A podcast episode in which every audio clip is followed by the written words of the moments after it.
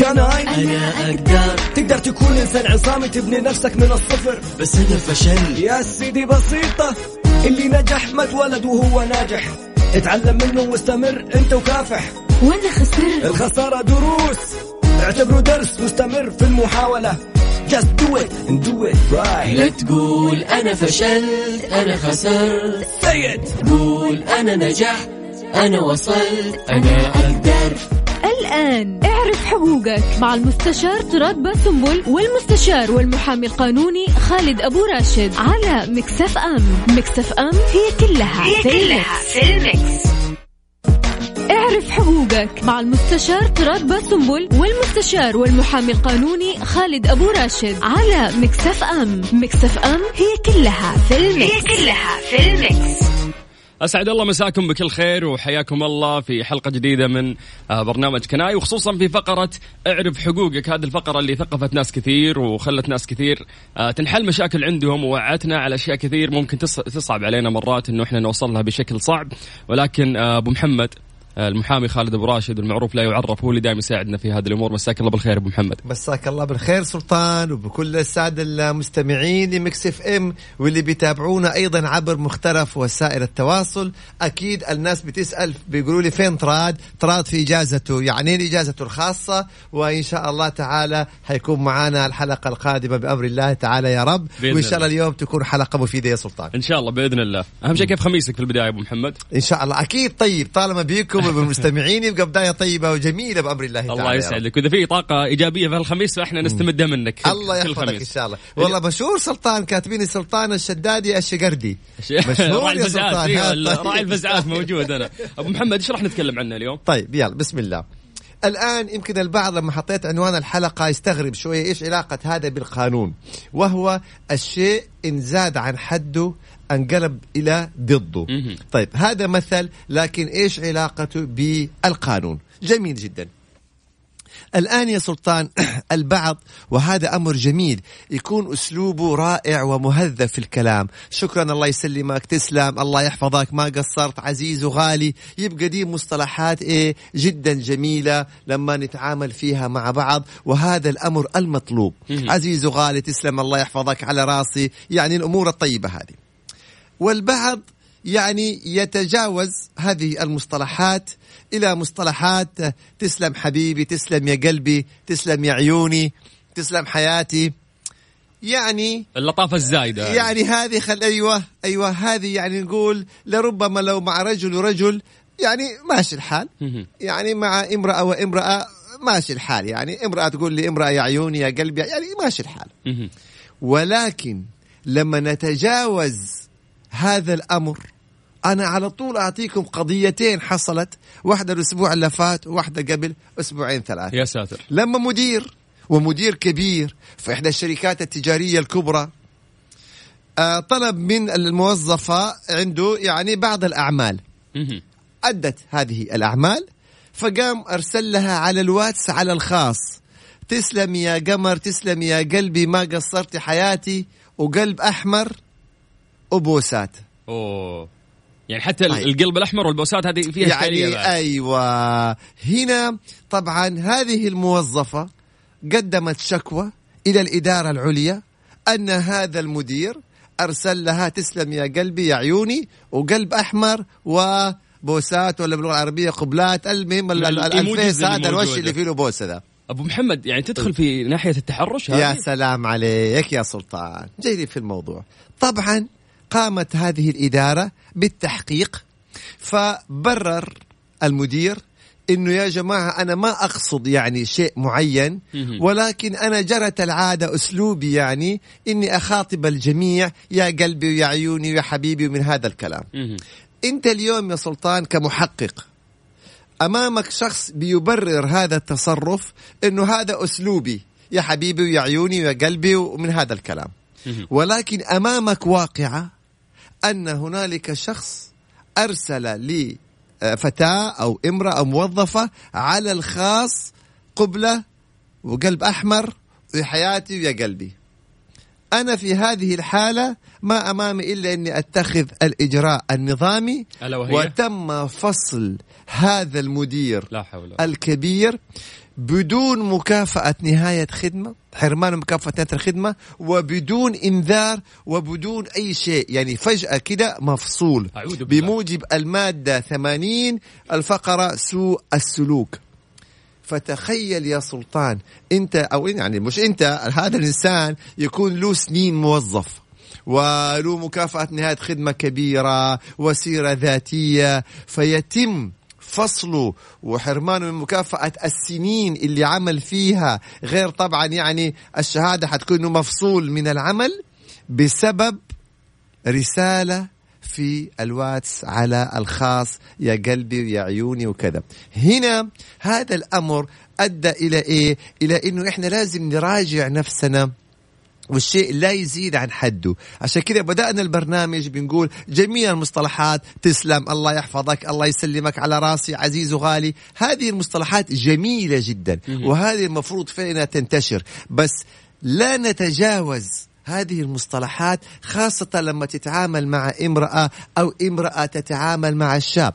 خلال ثلاثة أسابيع الماضية عدت علينا حالتين فصل لشباب سعوديين مميزين وفي مناصب بسبب الرسائل الخاصة على الواتس. نفس الحاله أبو محمد. يعني قضيتين في نفس الحالة كانت مدة في قصيرة. نفس في ثلاثة أسابيع. هنا البعض يقولوا هي ليه ما حضرته؟ حقها إنه هي تروح تقدم شكوى وبعدين تحضر. وهل الموضوع انتهى إلى ذلك؟ ما انتهى على كده. تقدمت هذه الفتاة إلى قسم الشرطة بشكوى تحرش. لا حول زي ما أنت قلت في البداية.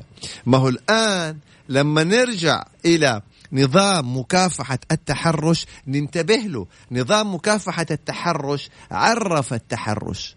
هو كل قول أو فعل أو إشارة.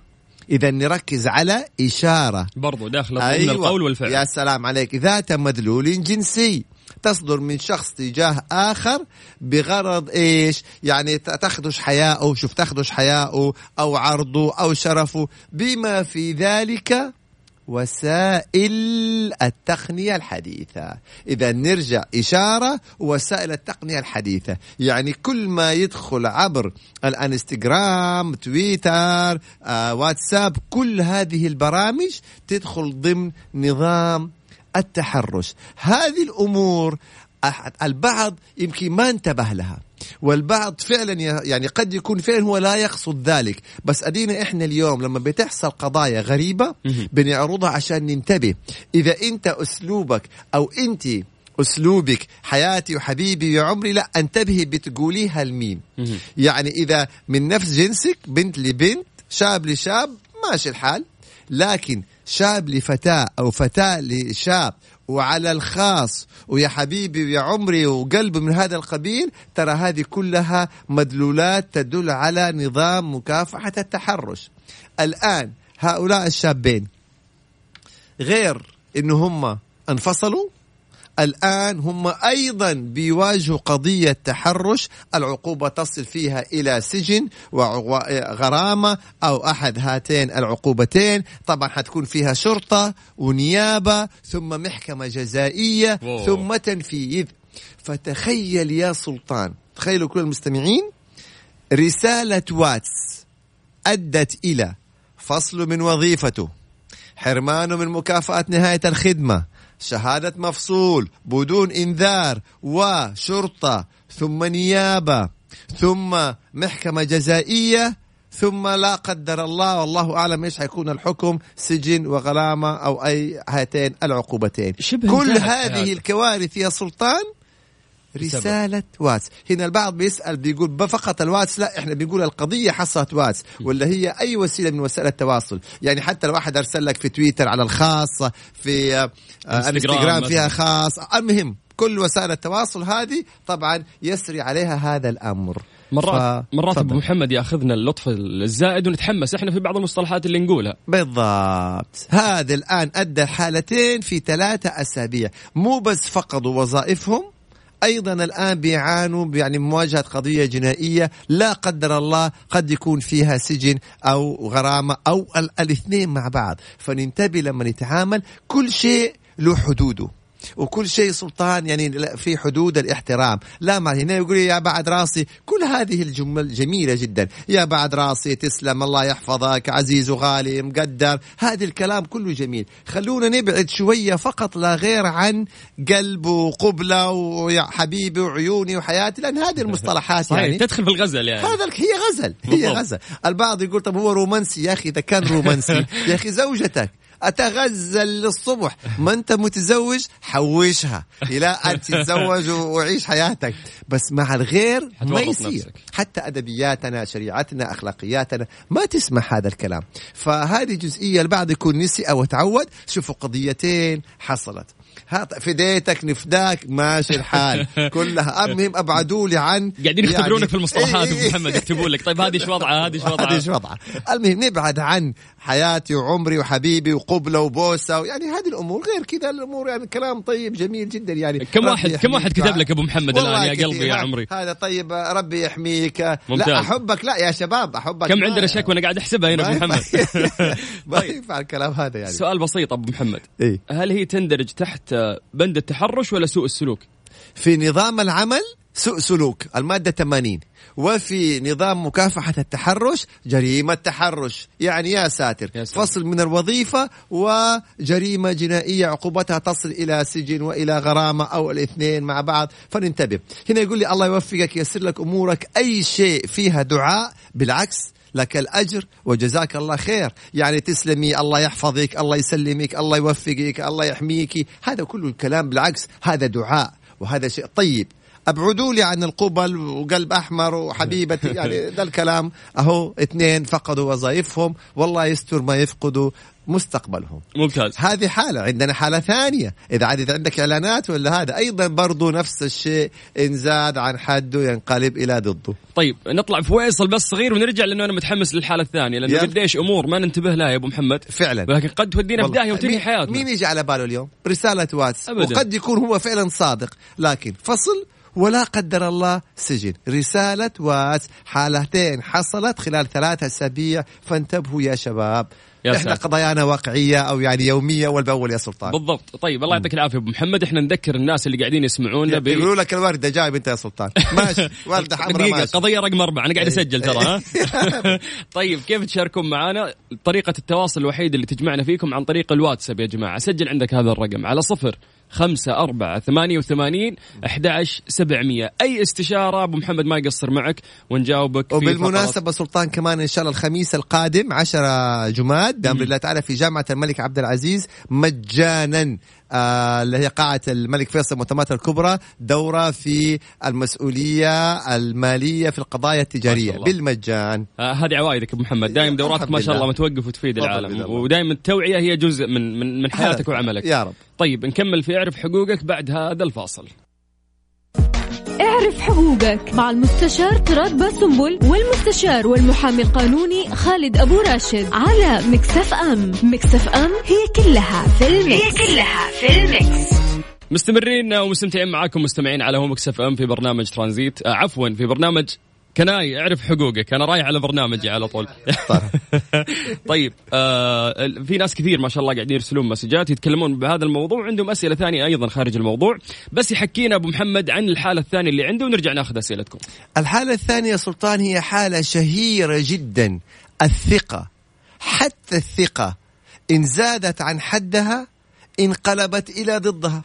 واليوم أنا بأسألك يا سلطان كم من آلاف البشر ضاعت حقوقهم بسبب الثقة.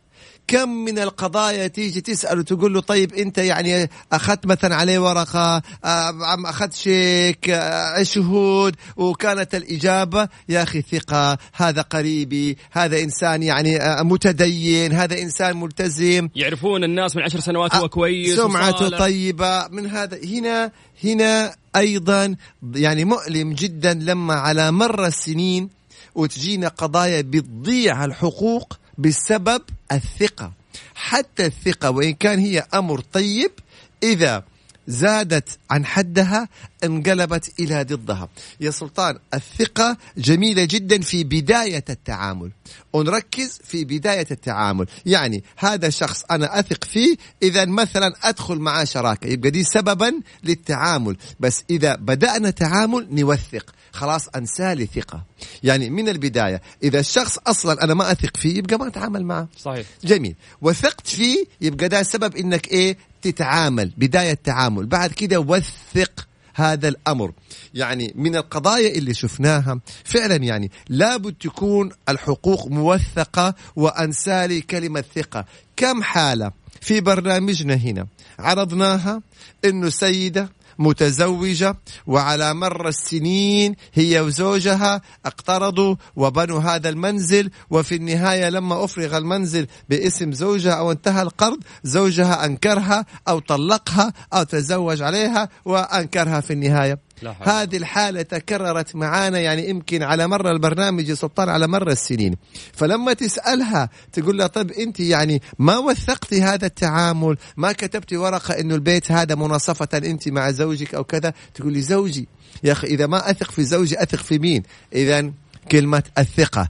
كم قضية حصلت ضاعت حقوق الناس بين الأخوان بينهم وبين بعضهم؟ وتجد الإجابة يا أخي أخويا إذا ما أثق في أخويا أثق في مين؟ إذا ما أثق في ولد عمي أثق في مين؟ يا أخي رجل سمعته طيبة.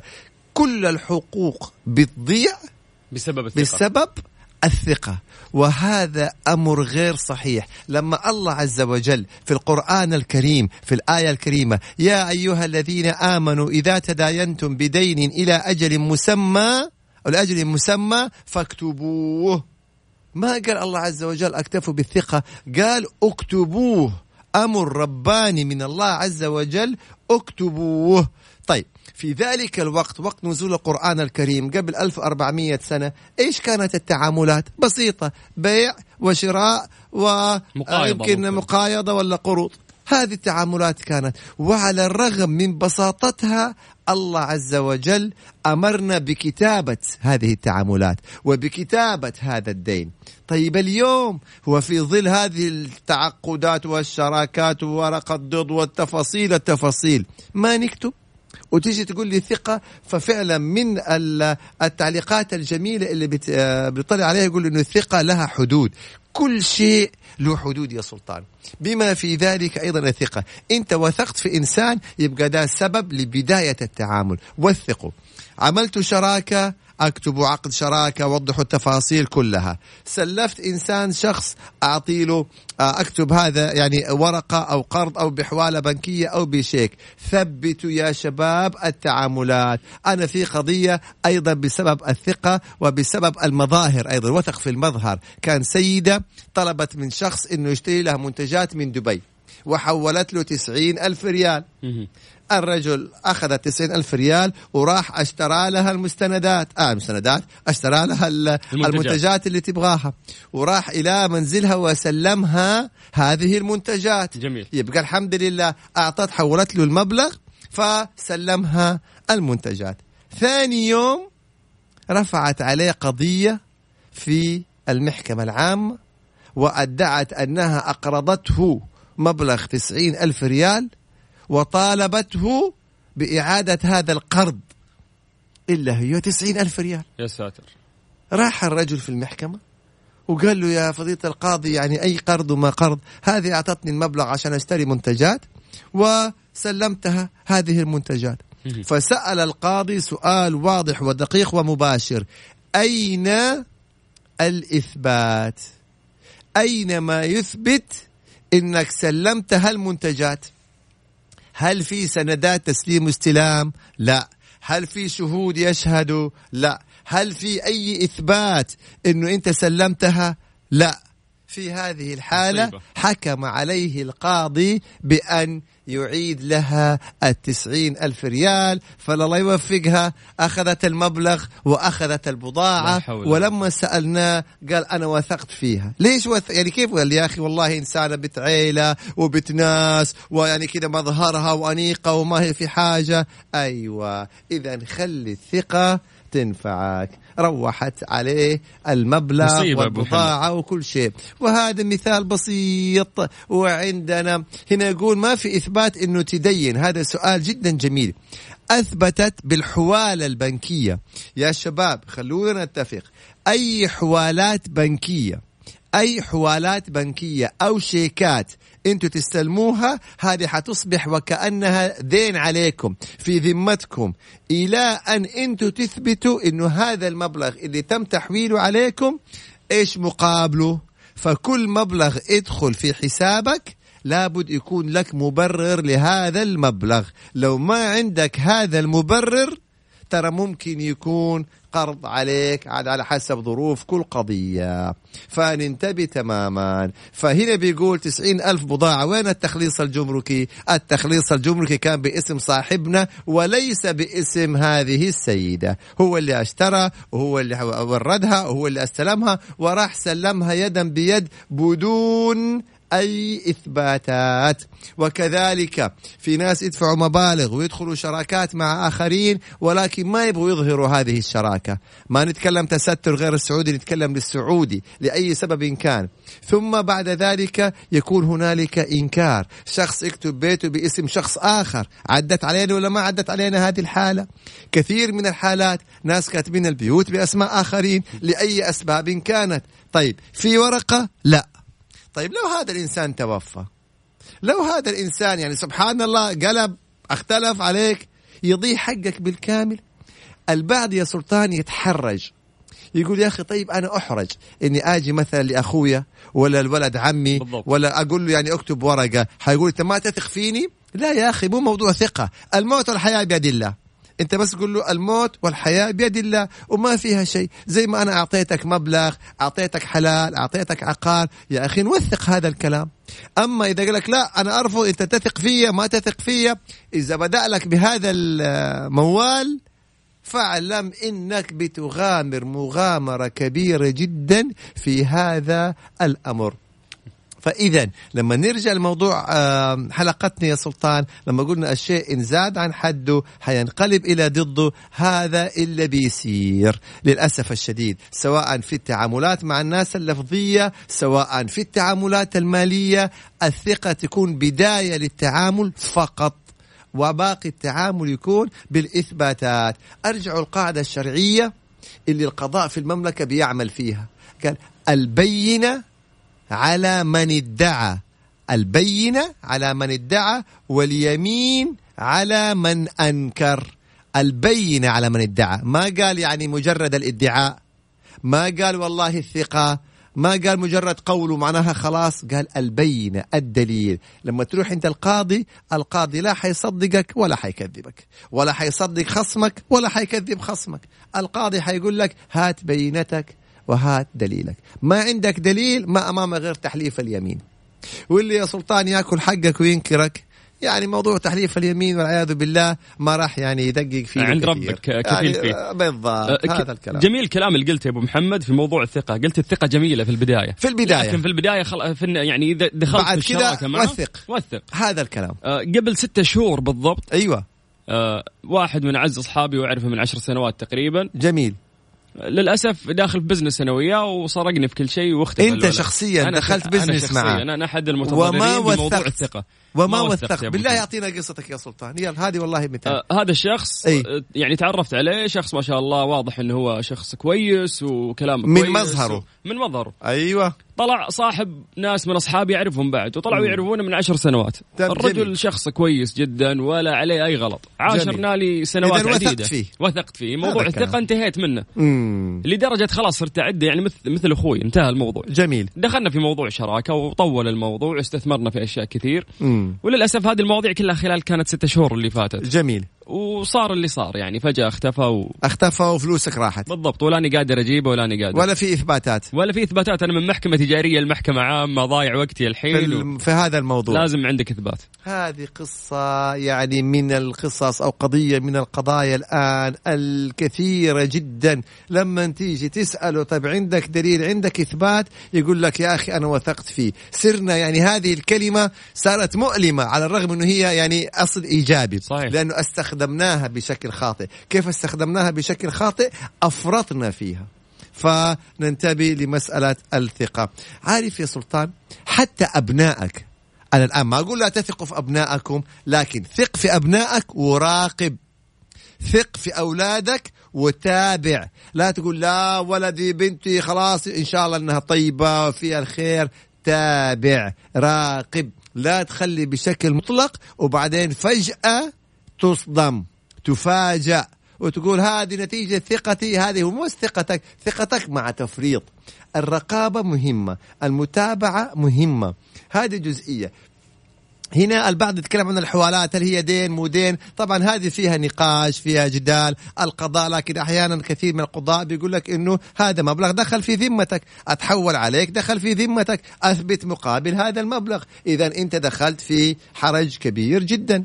أيضا من ضمن الأسئلة اللي جاتني يا سلطان هنا حنرجع لنظام التحرش. في كان إحدى الأخوات سألت وقالت إنه طيب ما أرسل لي قبلات ولا أرسل لي كلام وإنما أرسل لي مقاطع مخلة. طبعا هنا يدخل في تحرش وجريمة جنائية وفيها سجن وفيها غرامة. يعني أنت الآن ترسل أول شيء المقطع المخل هذا مرفوض شرعا. اثنين تيجي ترسل هذا المقطع لامرأة يعني أخرى. طبيعي يعني هذا تحرش وهذا أبو التحرش وأصل التحرش أيضا. فهذا أمر يعني إيه ننتبه له تماما. طيب أبو محمد أنا استسمحك إن إحنا نطلع فاصل ونعطي الناس فرصة انهم يرسلون يعني اسئله كلها يبعثوك الأسئلة ونجاوب عليها ممتاز. نذكرهم بأرقام التواصل على صفر خمسة أربعة ثمانية وثمانين أحد سبعمية عن طريق الواتساب. اكتب سؤالك بشكل واضح وراح نجاوبك أو تقدر تتوجه لللايف آه، عند حساب آه، المحامي خالد أبو راشد. وفي كل أنواع المختلفات يا مختلفات إيه؟ في كل أنواع القضايا يا سلطان. ممتاز. التجارية العقارية يعني الجنائية يعني كل ما يتعلق بالقانون. تمام. أبو محمد بس إيش يكتبون في في, في التويتر في إيه خالد أبو راشد في خالد أبو راشد. خالد أبو راشد وراح يظهر لك حساب أبو محمد وعطنا سؤالك.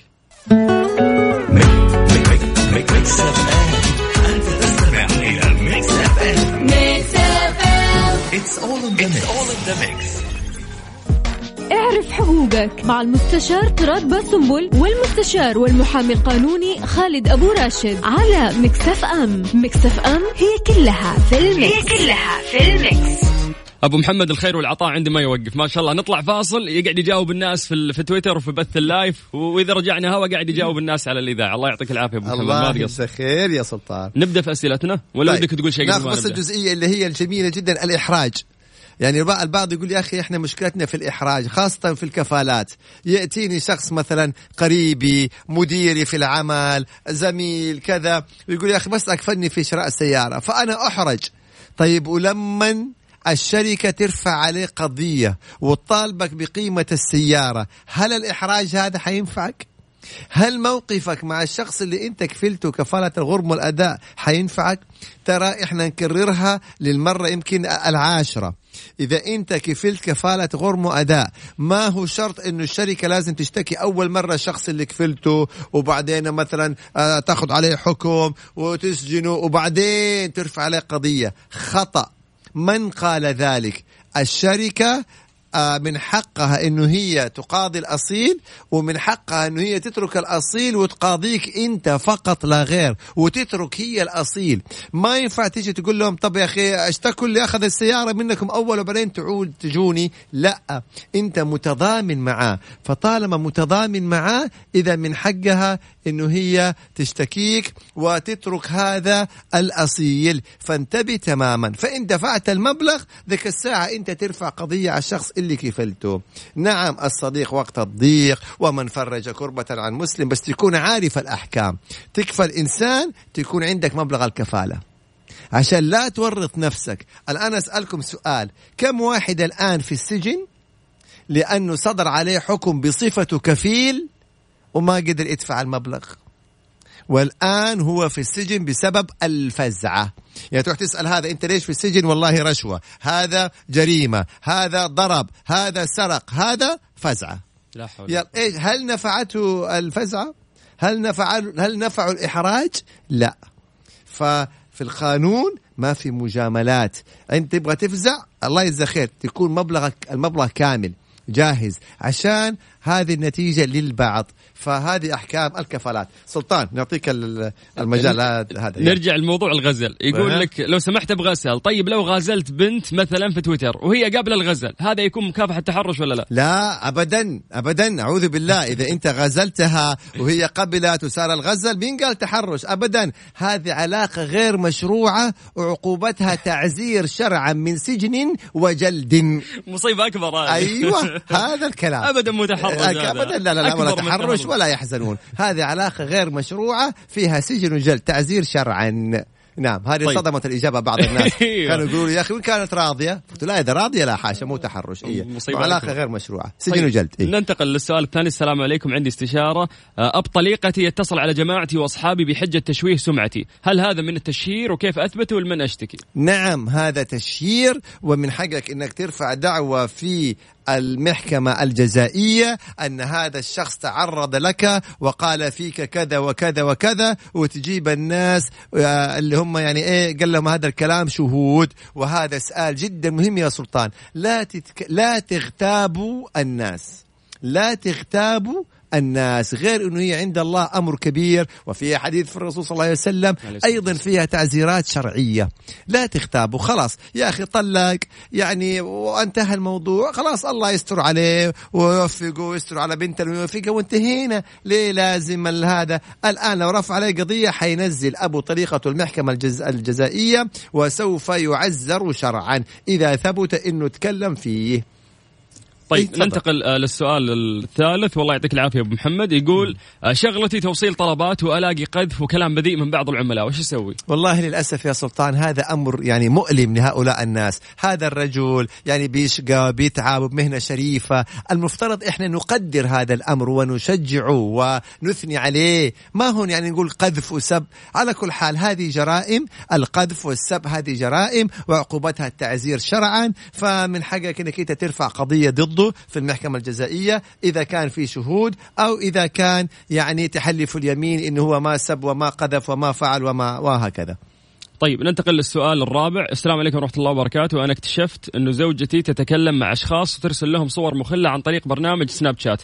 هل أستطيع أن أقاضيهم؟ يعني هو بيقاضيهم ما يبغى يقاضي زوجته. زوجته ترسل لهم. هي زوجته هي اللي ترسل. ترسل يعني هي على علاقة بشخص آخر. ترسل له مقاطع. أشخاص. طيب. أشخاص؟ يس طيب يقدر يرفع عليهم آه، شكوى من شقين. علاقة غير مشروعة وأيضا تخبيب.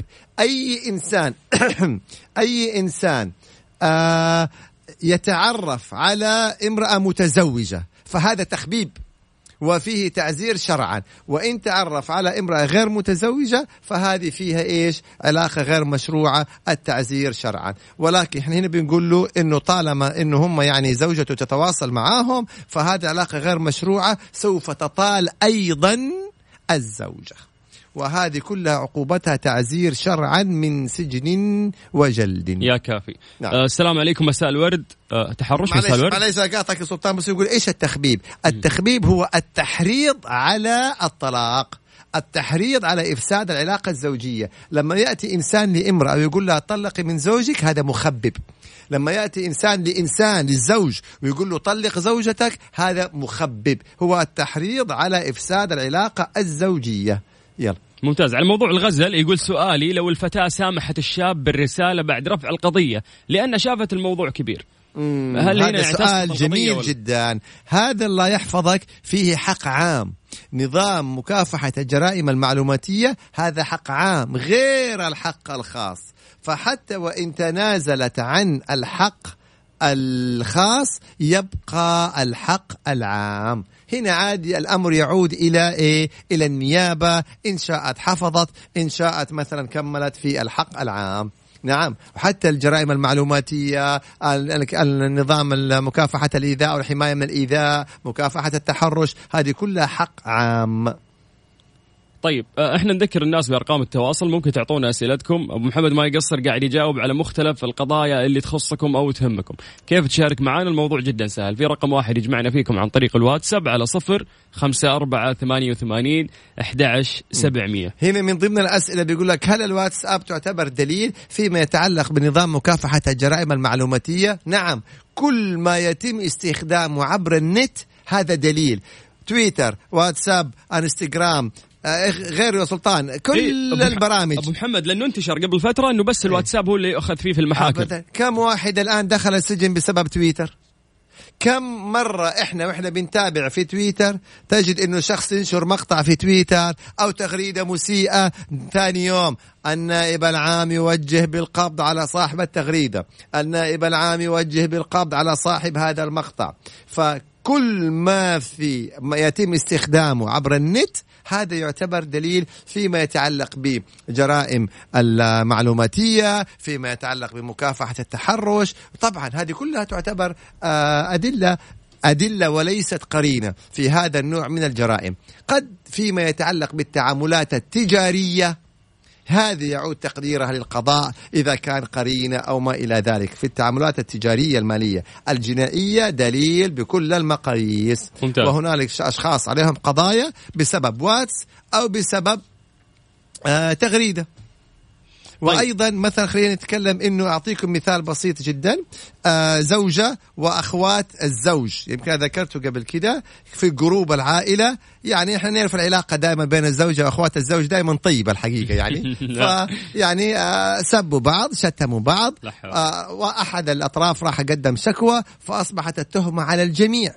جريمة معلوماتية عبر الواتس لأنه صار السب والشتم في ال group فيا شباب الناس يقول لي والسناب طيب كل برامج البرامج اللي. عبر النت حتى لو في المستقبل طلعت برامج جديدة طالما هي تستخدم عبر النت إذا هي تدخل ضمن نظام مكافحة الجرائم المعلوماتية وينطبق عليها هذا النظام. ممتاز. آه في سؤال وصلنا يا أبو محمد. تقول لك أهل زوجي محتفظين بذهبي الخاص وكل ما أطالب فيه يتهموني بأنني أشكك بأمانتهم. هذه إيش تسوي معها آه طبعا ولا زالت آه ولا زالوا أهل زوجة يعني لا زالت متزوجة. بالضبط. أيوه. والله شوف هنا أحيانا أنت تقع فعلا في حرج كبير بين الحق الثابت وبين الحفاظ على العلاقة الزوجية. من حيث الحق هذا حقها الذهب لها أصبح من حقها.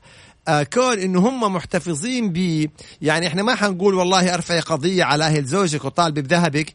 يعني طبعا لا يعني هذا حق. لكن حاولي عن طريق زوجك. أنا في رأيي يعني بطريقة ما. آه، أقول لك طريقة. يعني إذا أنت رايحة مناسبة أطلبي ذهب تلبسيه. ولما ترجع من المناسبة خليه في البيت. يعني آه، يعني حاولوا سددوا وقاربوا يعني. هو حق لك لكن عشان يحافظ على العلاقة الزوجية بيكون بالود. يعني من الاسئله المحرجه لما تكون علاقة زوجية. بالضبط. فتحرج بين الحق وبين إنه ده زوجها وأهل زوجها. فيعني حاوليها بطريقة ما يعني. إن شاء الله إنه تضبط أمورك بخصوص موضوعك المعقد. في عندنا سؤال شوي معقد بعد.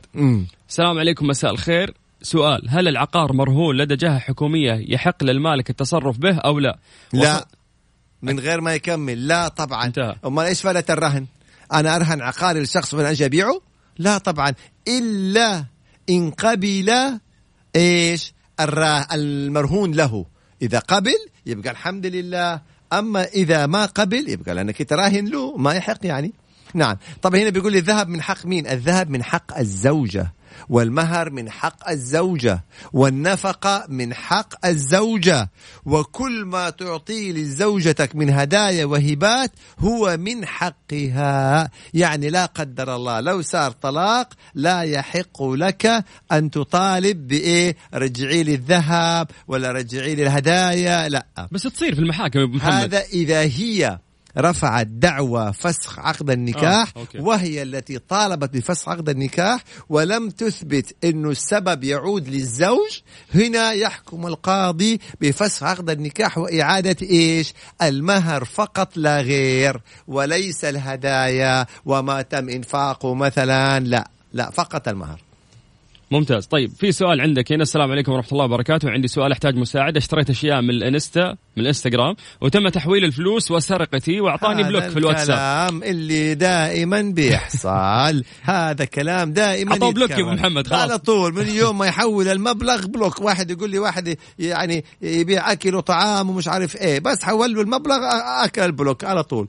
هنا أنت حولت المبلغ على أي حساب؟ تشتكي صاحب هذا الحساب اللي انت حولت عليه المبلغ. يعني هو حيقول لك حول لي المبلغ على الحساب الفلاني. تم انت حولت المبلغ على الحساب في بنك وله اسم تقدم الشكوى على صاحب هذا الحساب. هنا برافو. البعض يقول لازم يكون متجر معتمد. هذا الكلام.